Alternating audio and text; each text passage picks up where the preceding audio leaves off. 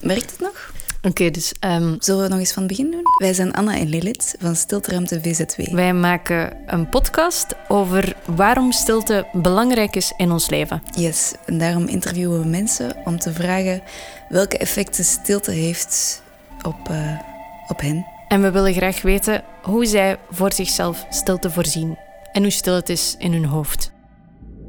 En we merken dat sommige mensen stilte aanmaken eh, in zichzelf door te mediteren. Heel veel van de goede dingen die ik heb meegemaakt of die ik meemaak, eh, komen voort uit een staat van zijn waarin stilte aanwezig is. En anderen zoeken echt een plek op om naar letterlijk eh, akoestische stilte te vinden. Ik denk dat dat ergens moet begonnen zijn toen ik eh, net begon te schrijven. En ook niet echt daardoor gebruik kon maken van een plek die helemaal van mij was. En dus waar ik de, de omgeving kon controleren of kon afdwingen. Ja, ik ben opgegroeid in een, in een vrij groot gezin bij mijn papa, eh, in een klein appartement. Ehm, Sommigen gaan ook gewoon lekker in een tuin zitten, bijvoorbeeld. Zo kan je stilte vinden. Sommigen gaan er helemaal voor naar de zee. Dat is ook niet zo ver, want tijdens deze lockdown toch een hele uitstap. Of eh, naar het kanaal. Ja, sommige mensen zijn ook heel lawaaierig binnenin of laten lawaai heel gemakkelijk toe. Een heel zorgeloos eh, liedje.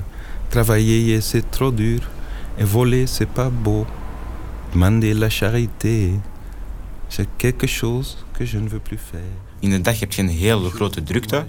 En ineens in de avond is dat helemaal anders. En die, die plotse ver- verandering, van, dat is iets wat dat je niet overal hebt. En dat is echt iets goed. Je vis sur l'amour, et j'espère vivre vieux.